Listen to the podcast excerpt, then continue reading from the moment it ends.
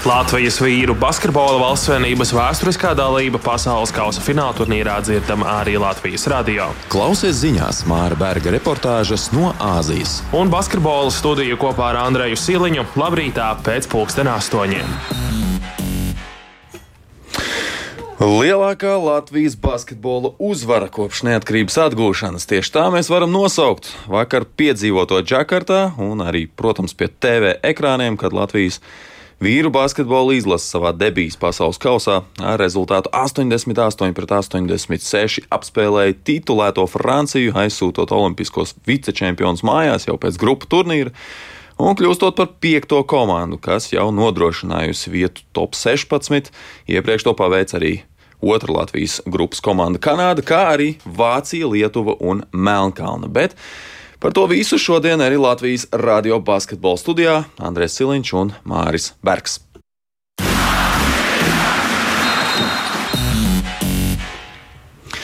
Latvija atspēlējās no 13 punktu deficīta spēles gaitā, tad nepilnas 7 minūtes pirms maču beigām Arthurs Kuruts ar izcilu darbību aizsardzībā izprovocēja Francijas komandas pieredzējušāko vīru Nando Dekolo uz otro nesportisko piezīmi, kas viņam nozīmēja automātisku diskvalificējošo piezīmi, no nu, nākamo pāris minūšu laikā.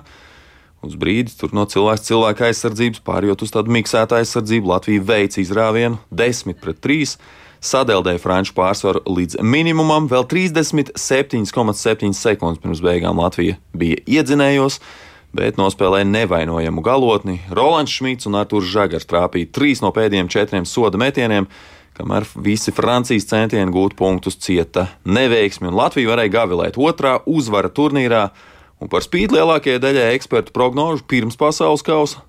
Latvijai ir garantēta vieta labāko 16 komandu skaitā un vienlaikus arī eh, garantēta dalība Parīzes Olimpisko spēļu kvalifikācijā. Kopumā varējām baudīt vakar tiešām augstākās raudzes pasaules līmeņa basketbolu. Nu, un viens no spēles varoņiem šajā pasaules līmenī bija Rolands Šmits, kurš guva 20 punktus, bet pēc spēles uzvaras skaidrojums no viņa bija pavisam vienkāršs. Nu jā, nu mēs tur kaut ko pamainījām. Viņi, viņi varbūt mazliet nojuka. Un, un kā jau teicu, pats galvenais bija tas, ka mēs visi cīnījāmies, kā, visi kā viens. Protams, mēs paši, paši, paši zinājām, ka jāturpina cīnīties līdz pēdējai sekundei. Un, uh, Kā redzējāt, jebkurš, kurš gāja laukumā, deva maksimumu, cīnījās līdz, līdz pēdējiem elpas vilcienam, un e, tāpēc arī beigās e, vinējām.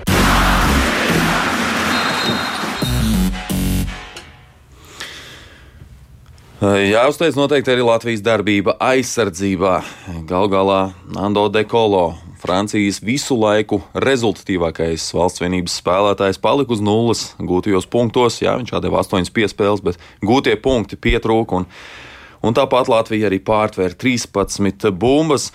Par spilgtāko vakar spēlētāju kļuva Arthurs Žagars. 23 gadi šim saspēles vadītājam. Viņa, protams, pirmais lielais turnīrs Latvijas izlases rindās. Vakar viņš guva 22 punktus un apgādāja partnerus ar piecām rezultatīvām piespēlēm. Nu, daudzi atminējās U-18, jeb Eiropas junioru čempionātu pirms pieciem gadiem, tepat Rīgā, kur Arthurs palīdzēja izlasē tikt līdz finālam un, un tika pie sudraba godalgām. Viņš toreiz bija viens no spilgtākajiem spēlētājiem starp visiem sava vecuma Eiropas spēlētājiem, taču pašam Arturam šis salīdzinājums pēc uzvaras par Franciju īsti negāja pie sirds. U18 Arthurs Žagars šovakar bija laukumā. Nav tāds 18 Arthurs, vairāk šodien ir 23 gadīgs Arthurs. gads Lietuvā man ļoti palīdzēja, jo es beidzot tiku pie spēles laika un pie spēles ritma. Un, uh, līdz ar to vienkārši mēģināju darīt labāko, ko varēju. Šoreiz sanāca veiksmīga spēle. Tā mūsu enerģija, tīpaši, kad Dairis satraumējās, mēs ar citu enerģiju iegājām iekšā un tieši Daira dēļ un visas Latvijas dēļ. Tā kā mums bija ļoti liela enerģija un mēģinājām atdot visu, ko varējām.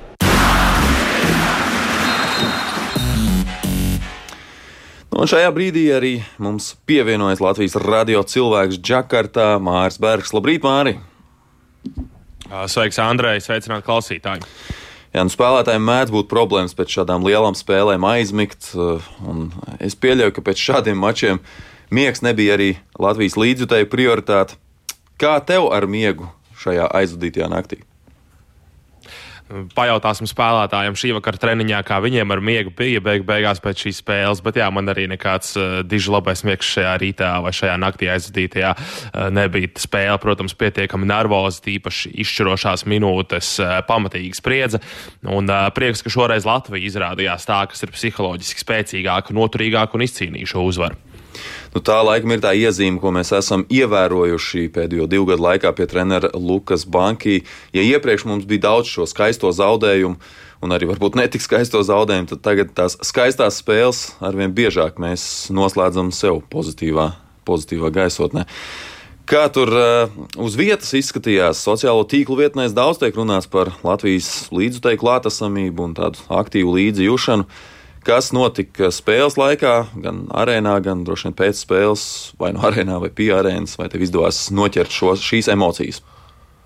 Līdzstēji, protams, bija ļoti aktīvi. Godīgi sakot, par to, kas notika pēc spēles, es īsti nemācīju izstāstīt, jo pēdējo pusotru minūti es jau pavadīju zem tribīnēm, eh, mikzonā, un tur atradās arī lielākā daļa pārējo Latvijas žurnālistu, kas šeit ir uz vietas Džakartā. Tāpēc īsti nezinu, kas notika augšā tribīnēs, bet, protams, lielākā daļa arēnas bija par Latviju. Bija arī savs pulciņš Francijas līdzjutēji, nebūtu ne tik daudz kā Latvijai, un nu, spēles otrajā puslaikā bija jau redzams, ka arī vietējie, kas bija sanākuši uz šo spēli, Indonēzijas iedzīvotāji, arī viņi atbalstīja Latvijas valsts vienību šajā spēlē un lēkāja un priecājās pēc mūsējo groziem. Jā, nu atgriežoties tieši pie spēles, tad uh, viens no spēles uzdevumiem, ko neslēp arī treneri pirms mača, bija mēģināt vilkt ārā, ja perimetrā tos garos franču spēlētājus, nu, tik, tik no viņiem vaļā soda laukumā. Un, un kā tev šķiet, kā mums izdevās ar to tikt galā šajā mačā? Nē, pilnīgi noteikti tas izdevās gan sekmīgi. Nu, pirmkārt, to mēs visi ļoti labi zinām, ka Latvijas garais gals ir spējīgs iemest no distances. Eh, līdz ar to tas pats Rudijs Gobērs eh, nāca ārā no soda laukuma, jo viņš ir efektīvs soda laukumā. Viņš arī vairāk kārt to pašu Artūru Žagaru nobloķēja. Taču mūsu garos spēlētājs no perimetra ir jārespektē. Attiecīgi Rudijs Gobērs un arī pārējie tomēr gāja ārā, gāja pretī. Un, un tas pavēra ceļus. Mūsu garie pirmkārt tika ļoti pieklājīgi ar viņiem galā. Protams, tur Geršons jau būs sēla savus punktus sameta, bet uh, visā visumā nu, nebija nebūtu tāda dominants Francijai garajā galā, kā varētu šķist. Un uh, arī prieks par to, ka mazie absolūti nerespektēja. Tas pats Artūrs Žagars aktīvi gāja caurgājienos, pāris reizes dabūja blociņu, bet uh, kopumā nerespektēja, gāja caurgājienos un uh, nu, spēles plānu izdevās izpildīt, jā, kā paši spēlētāji teica, ļoti, ļoti sekmīgi. Nu, jā, to mēs redzam arī statistikā. Tas pats Rudijs Gobērs, droši vien viena no lielākajām Francijas basketbola zvaigznēm, beig beigās izmet tikai vienu metienu. Visas spēles garumā no spēles un, un pārējos punktiņus savāc no soda metiena līnijas. Uh, man mazliet pārsteidz, ka francūži tik ilgi tomēr mēģināja turēties pie tās spēles ar gariem spēlētājiem, jo Latvija jau no paša sākuma, jau ar starta piecinieku parādīja, ka viņi E, spēlēs nedaudz citādāk, un, un nu, Francija, acīm redzot, nebija gatava pielāgoties tam.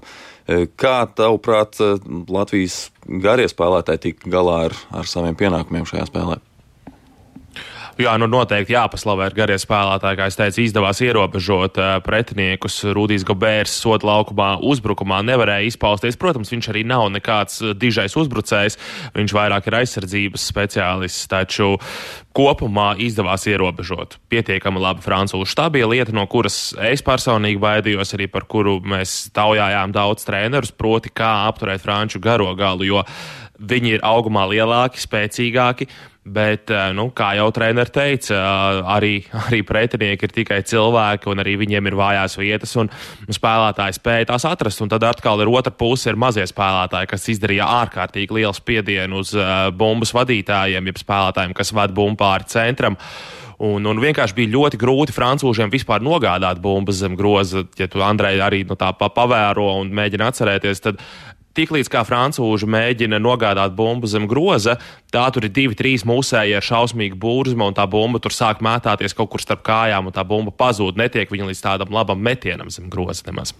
Jā, viņi trešajā ceturdaļā ļoti izteikti mēģināja spēli veidot. Būtībā katrs pozicionālais uzbrukums caur Jabuseli ar muguru pret grozu, bet, nu, ja sākotnēji tas arī izdevās, tad pēc tam tur Latvijas izlasēji ļoti labi darbojoties aizsardzībā un, tā teikt, aizpakojot sodu laukumu tad tas, tas deva rezultātu ilgtermiņā. Vēl kas man palika spilgti atmiņā, tā bija Artur Kurots izprovocētā nesportiskā piezīme. Tu jau pieminēji šo aktīvo un agresīvo darbību aizsardzībā, un šeit viņš izprovocēja Viņš saņēma vispirms piezīmi, un pēc tam izprovocēja vienlaikus eh, Nando de Colo, vienu no pieredzējušākajiem Francijas spēlētājiem, uz nesportisko pārkāpumu, kas viņam bija otrā eh, nesportiskā piezīme, un līdz ar to arī nācās pamest spēli.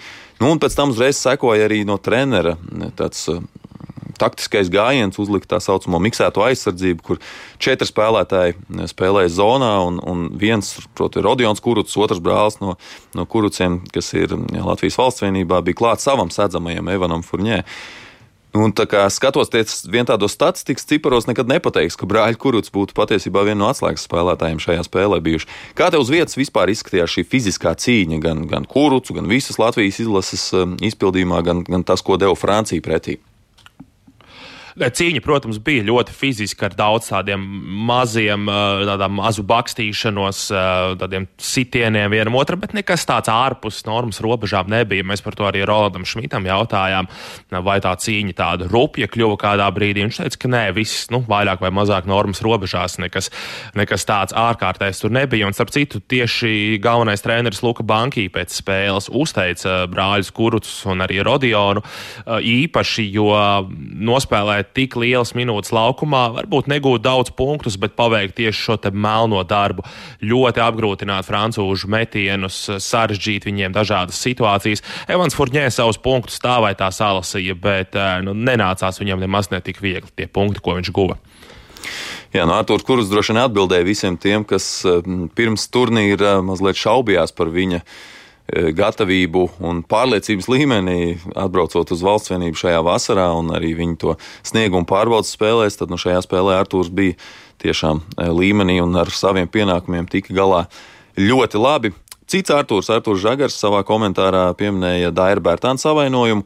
Nu, Dairis paspēja nospēlēt vien dažas minūtes, e, rezultatīvas minūtes, bet pēc tam laukumā vairs neatgriezās. Kas īsti ir par vainu mūsu izlases kapteinim un, un vai tas ir nopietni? Jā, nu Dairim ir pacēlas cīpslas savainojums angļu valodā, hamstrings, ļoti nepatīkama trauma, basketbolā arī pietiekami izplatīta. Kā Dairis pats pēc spēles teica, pirmā sajūta ir, ka ir diezgan nopietni, taču nu, kaut kādu sīkāku informāciju droši vien iegūsim šodien vakara treniņā. Tas vismaz pagaidām mūsējiem ir paredzēts, tāda ir informācija no komandas puses. Dairim tātad, protams, padziļinātas medicīniskās pārbaudas, un tad jau arī būs vairāk skaidrs, cik nopietni tiešām ir šī problēma ar pacelas cīpslu. Nu, tas nozīmē, ka, ja Dairis nespēlēs, tad mums būs tomēr atkal cits starta piecinieks, jo Dairis bija viens no tiem retajiem spēlētājiem, kurš jau pārbaudas spēlēs visās devās laukumā starta sastāvā. Kā četru, vis... četru, gribēju iestarpināt četru mazo spēlētāju rotāciju paliek, ja Dairis izkrīt no turnīra vismaz uz vienu spēli, tad būs jāspēlē četru mazo spēlētāju rotāciju. Nu jā, un tas nozīmē savukārt eh, arī pārkārtojums abos laukuma galos visticamāk un lielāks slodzes tieši uz spēlētājiem ar bumbu. Kas, kas pārsvarā pārvalda bumbu. Nu, nedaudz par Franciju. Arī Francijas galvenais treneris Vincents Kolē pēc mača sacīja, ka Latvija ir spēlējusi nu, teikt, no visas sirds, un francūžiem tas savukārt ir viens no elementiem, kas ir pietrūcis. Kāda bija Francijas spēlētāju un treneru reakcija par šo, nu, jāteic tā, izgāsto turnīru? Nu, Francūžu sejās, protams, bija redzama acīm redzama vilšanās eh, interviju zonai, ejot cauri nokārtas galvas, eh, uz galvām mm, paslēpuši sejas eh, aiz dvieļiem. Nu, Francūži, protams, ir manām vīlušies. Mērķis viņiem ierodoties šeit bija izcīnīt pasaules kausu, parādīt sevi pirms Parīzes Olimpiskajām spēlēm. Beigu beigās sanāk diezgan pamatīgi izgāšanās. Arī komandas kapteinis Nikolā Batūms pēc spēles preses konferencē izteicās, ka viņam pirmo reizi ir kauns spēlēt nevis kauns spēlēt, bet kauns par to, kā ir izlase nospēlējis, kā viņš pats ir nospēlējis. Viņš pats uzņemās arī atbildības par to, kāds ir rezultāts Francijai. Nu, un arī galvenais treneris Vinsants Kolē, protams, to atzīmē, ka varbūt kaut kur pietrūka enerģijas, komanda varbūt pārāk daudz cerējusi savu talantu un meistarību. Un, nu, protams, viņš uzteica latviešus, jā, kas ir spēlējuši ar lielāku enerģiju, pašadevi. Dienas beigās Latvija bija komanda, kura acīm redzot vairāk gribēja izcīnīt šo uzvaru. Paldies, Mārā, atpūties, un tad jau rīt runāsim par pēdējo apakšgrupas spēli pret Kanādu. Tiekamies rītdien!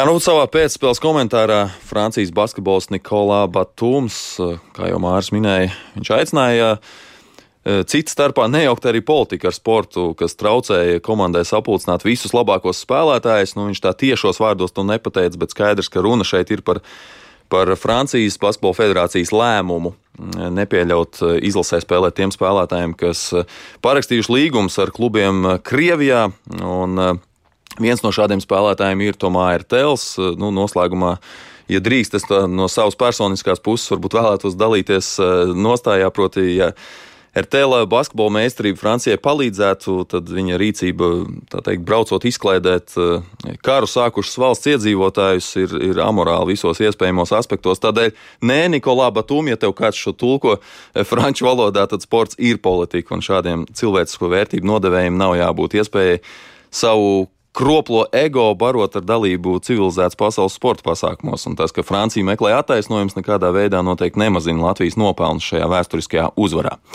Mans vārds ir Andrēs Siliņš, izbaudām lielāko Latvijas uzvaru kopš 1935. gada, un tiekamies jau rīt no rīta basketbola studijā pirms Latvijas spēles pret Kanādu. Latvijas vīru basketbola valstsvienības vēsturiskā dalība pasaules kausa fināla turnīrā dzirdama arī Latvijas radio. Klausies ziņās Māra Berga reportāžas no Āzijas. Un basketbola studiju kopā ar Andreju Siliņu labrītā pēc pulksten astoņiem.